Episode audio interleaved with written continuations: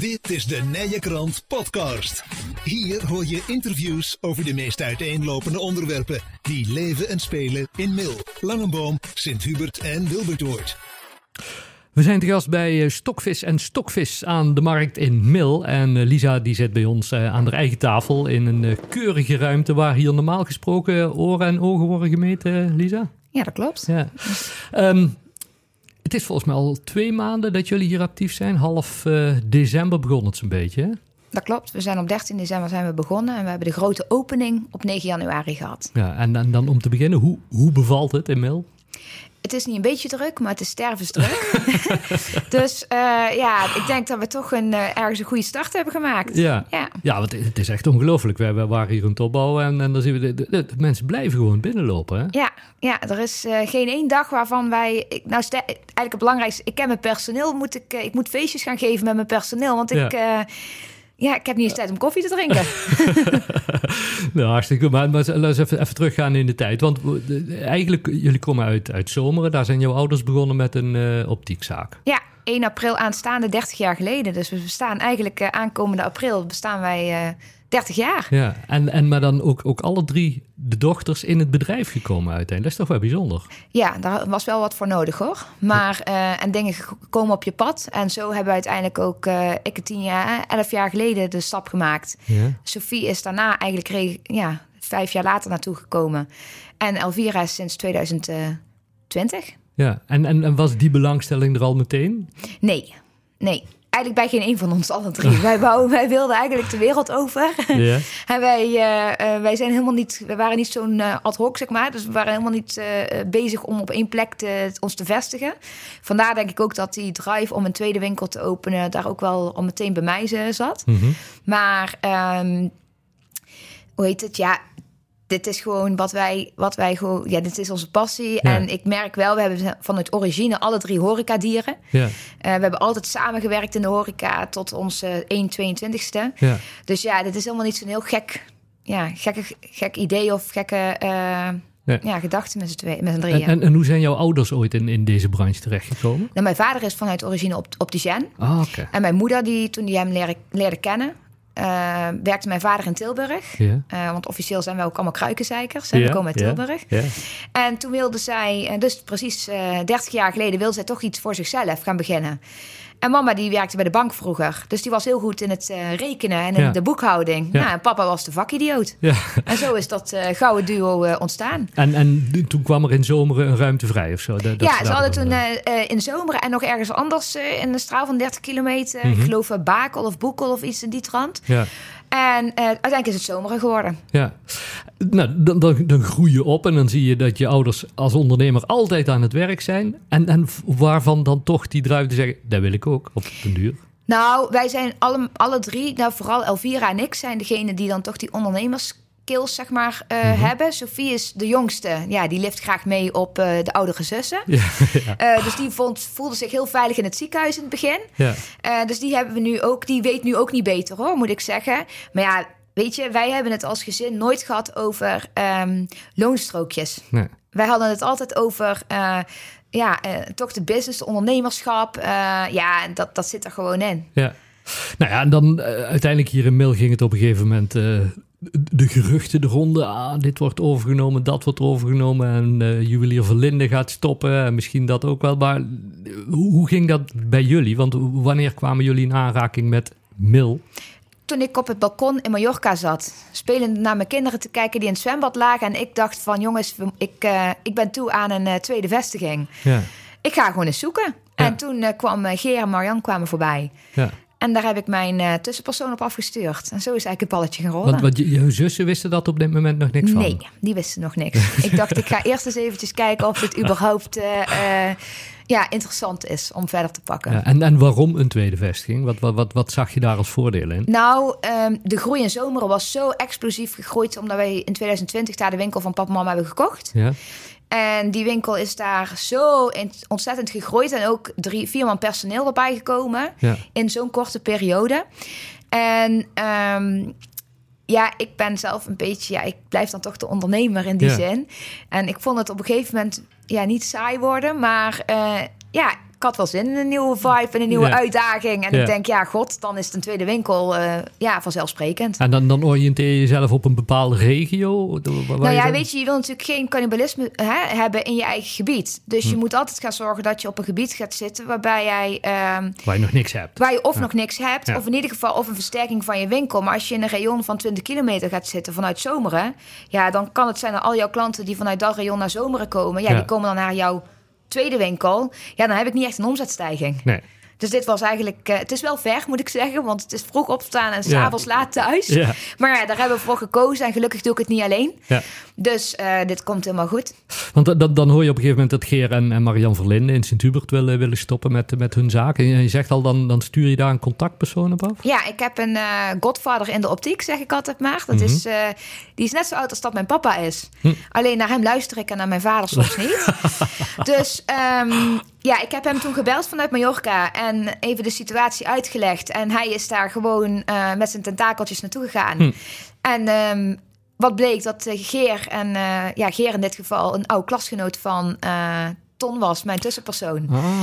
Dus dat uh, klikte ineens. En hij zei van ja, ik heb uh, drie meiden achter mij en die willen eigenlijk met jullie kennis gaan maken. En zo is het eigenlijk gegaan. Ja, want, want dan, ja, op een gegeven moment, het, het moet ook bij Gera. Marian moest het goed voelen om hun bedrijf over te dragen. Maar het was meteen ons papa als mam gevoel. Ja, dus ik denk dat dat echt wel uh, ervoor heeft gezorgd dat wij um, ja, meteen konden doorpakken met elkaar. En dat we eigenlijk ja, alles in grote... En we hadden ook maar één doel, hè. Dat was Geer zo snel mogelijk ook ontlasten van... ja, ja toch wel zijn zorg. Ja, ja, Dat was de optiek. Ja. En maar, maar dan bedenk je niet van, we nemen het ook gewoon de zaak in Sint-Hubert over. Dat we nee, want we wisten wel meteen dat hij, hij moest. Uh, um, ze hebben daar een hele reconstructie van de weg gehad. Ja. En ik geloof dat zijn pand werden appartementen gemaakt. In ieder geval, dat, dat zou op den duur ook verkocht worden. Ja. Um, dus hij wilde of zijn winkel verkopen zonder pand, ja. of zijn winkel verhuizen naar Mil. En dan met pand. En hij wilde in eerste instantie alles zelf nog laten verbouwen. En toen hebben wij gezegd, nou Geert, doe dat allemaal maar niet. Nee. Want ja, jij kiest misschien voor een rode broodbehangetje en wij willen goud. Ja. Dus we hebben gezegd, laten we dan alleen gewoon hetgeen overnemen wat je dan nu te koop zet. Ja. En dan gaan wij zelf op zoek naar een nieuw pand. En dan kwam hier inmiddels aan de markt uh, terecht. Nou, um, nog niet helemaal. Um, het pand wat we wilden huren was uh, onder onze neus weggekaapt door de Pearl.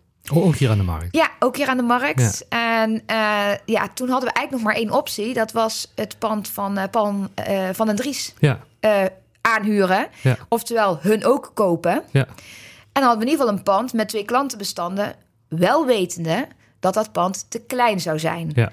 En tijdens die gesprekken met hun kwam hier dit pand waar dat we nu op dit moment zitten, kwam vrij, te huur. Want, dus, want, ja, want, want waar kwam toen dat idee dan vandaan? We zeiden, nou, dan nemen we uh, Verlinde over. Maar dan zou het eigenlijk ook wel goed zijn om Anneke en Paul. Puur vanwege die locatie. Alleen vanwege het pand. Ah, Want dit pand waar we nu zitten, dat stond te koop.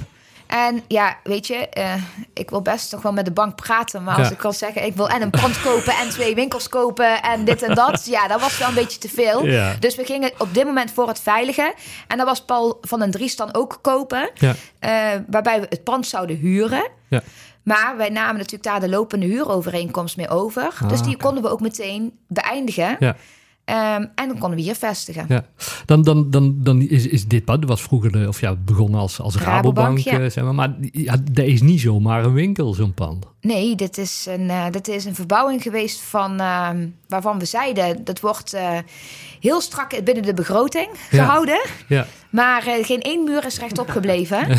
en de vloer is eruit, het plafond is eruit. En toen kwamen we er ook ineens achter dat dat plafond hier vijf meter hoog was... in plaats van, we dachten, 2,5, 3 meter. Ja.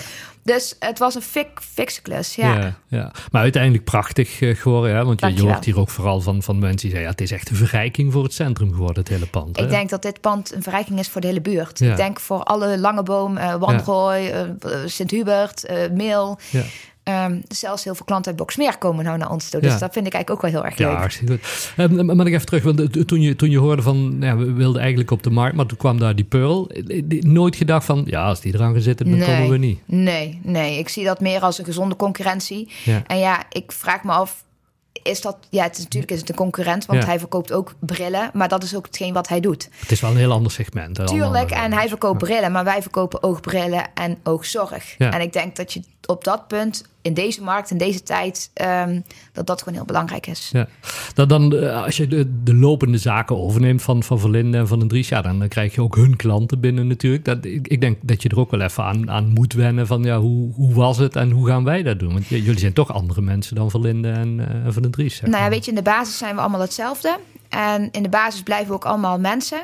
Um, en die gedachten houden wij en mijn team ook hier in mail. Ja. Ik kan wel heel erg merken dat mensen, um, um, nou, vooral in de contactlenzenbranche, is het echt heel erg wennen. Ja.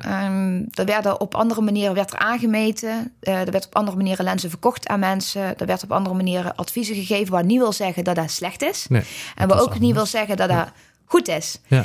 Echter is het zo dat die uh, richtlijnen, als we het nu echt over contactlenzen hebben, zo streng zijn aangescherpt uh, dat wij als contactlenspraktijk uh, kunnen wij, moeten wij gewoon uh, richtlijnen hanteren. Ja. En kijk, dat klanten al 40 jaar lang dingen gewend zijn, wil niet zeggen dat we dat nu ook de komende 40 jaar door kunnen zetten. Nee. En daar heb ik nog wel enig meningsverschil met mensen om gehad. En daar heb ik het echt heel zwaar mee gehad. Ja. En ook mijn mensen hier. Ja. Ja, want dat is wel wat Geer onlangs ook in een artikel bij ons in de krant Ja, daar heb ik Geer natuurlijk dat voor uitgenodigd. Want het was wel echt een, als we het nu echt dan hier specifiek over hebben, was dat wel echt een ding. En ik heb hier echt huilend met Geer gezeten. Zo van, ja, wat doe je mij aan? Want dat was, ja, en ik wil gewoon, ik hou van die man. Dat kan me, had mijn vader kunnen zijn. En ik wil gewoon dat iedereen, en ik respecteer hem met mijn hele hart en met mijn hele ziel. Alleen op die manier contactlenzen verkopen. Dat mag en kan gewoon niet meer. En dan moet een klant natuurlijk ook gewoon gaan begrijpen. Een maandlens is een maandlens, een daglens is een daglens en een jaarlens is een jaarlens.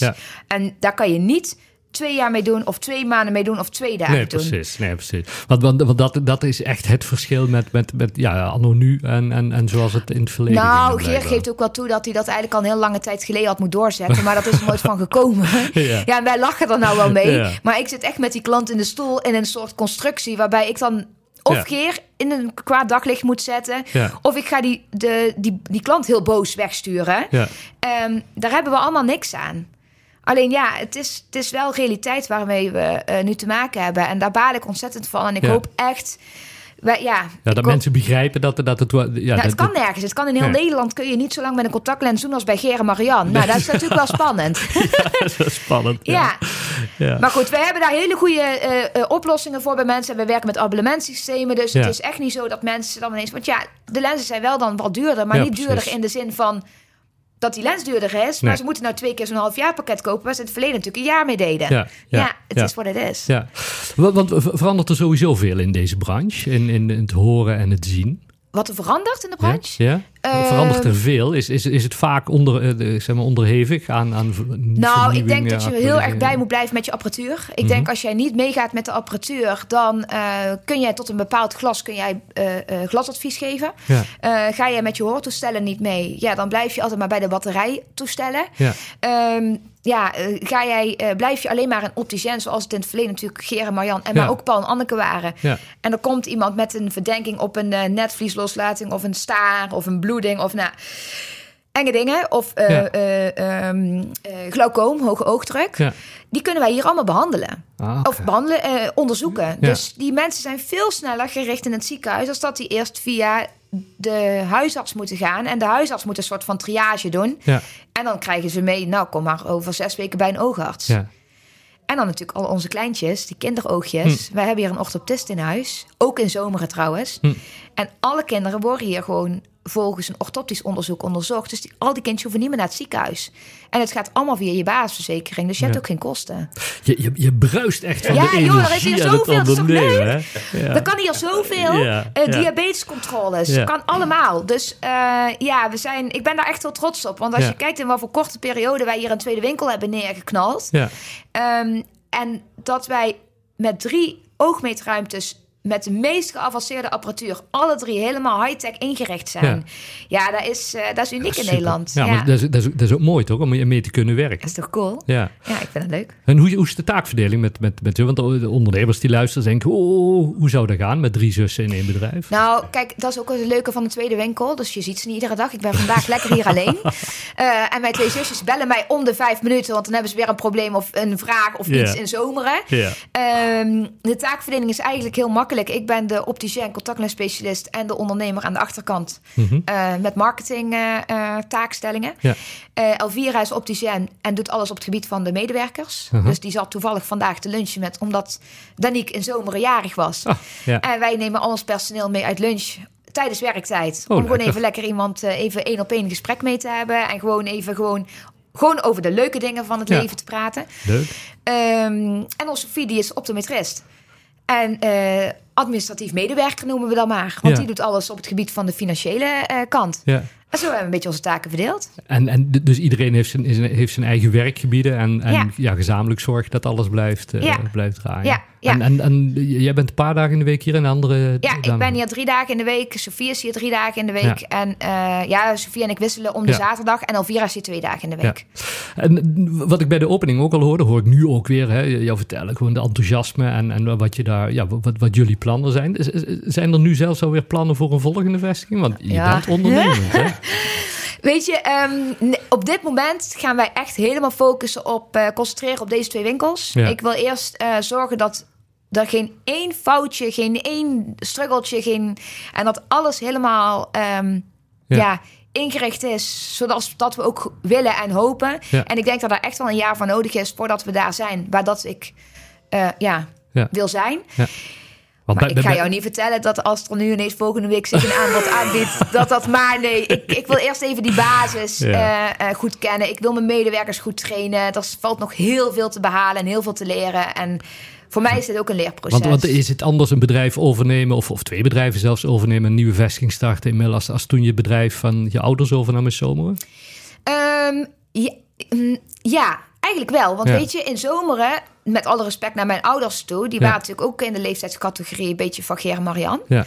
En um, dit is een proces waar je in gaat. Hè. Kijk, ik ben tien jaar geleden bij papa en mama in de winkel gekomen en toen heb ik het logo al veranderd. Ja. Toen, dus ik begon al die veranderingen al uh, een beetje door te voeren. Alleen daar hebben zij al tien jaar lang aan kunnen wennen voordat het daar was. Kijk, en bij Ger en Marian, uh, die stopte op van de een op de andere dag. En vanaf de een op op andere dag moesten die klanten bij mij in de winkel hier terecht. Ja. Um, en wat het vooral is, het aftasten van hoe dat die personen eigenlijk zijn. Kijk, ik ken jou nu al een paar uh, maanden. Ja. Uh, en zo zijn er nog wel meerdere klanten die ik al een paar keer nu hier heb gezien. Maar er zijn ook genoeg mensen die binnenkomen die echt een speciale treatment nodig hebben. Ja. Terwijl ik ja, wij gaan daar heel bleu in. Ja.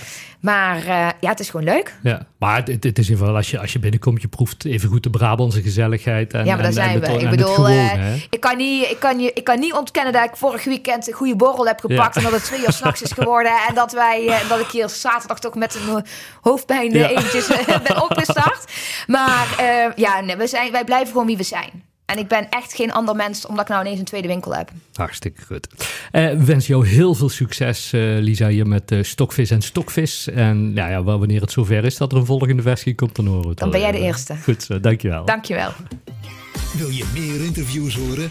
De Nijenkrant podcast is te vinden bij alle bekende podcastproviders en op www.inmail.nl.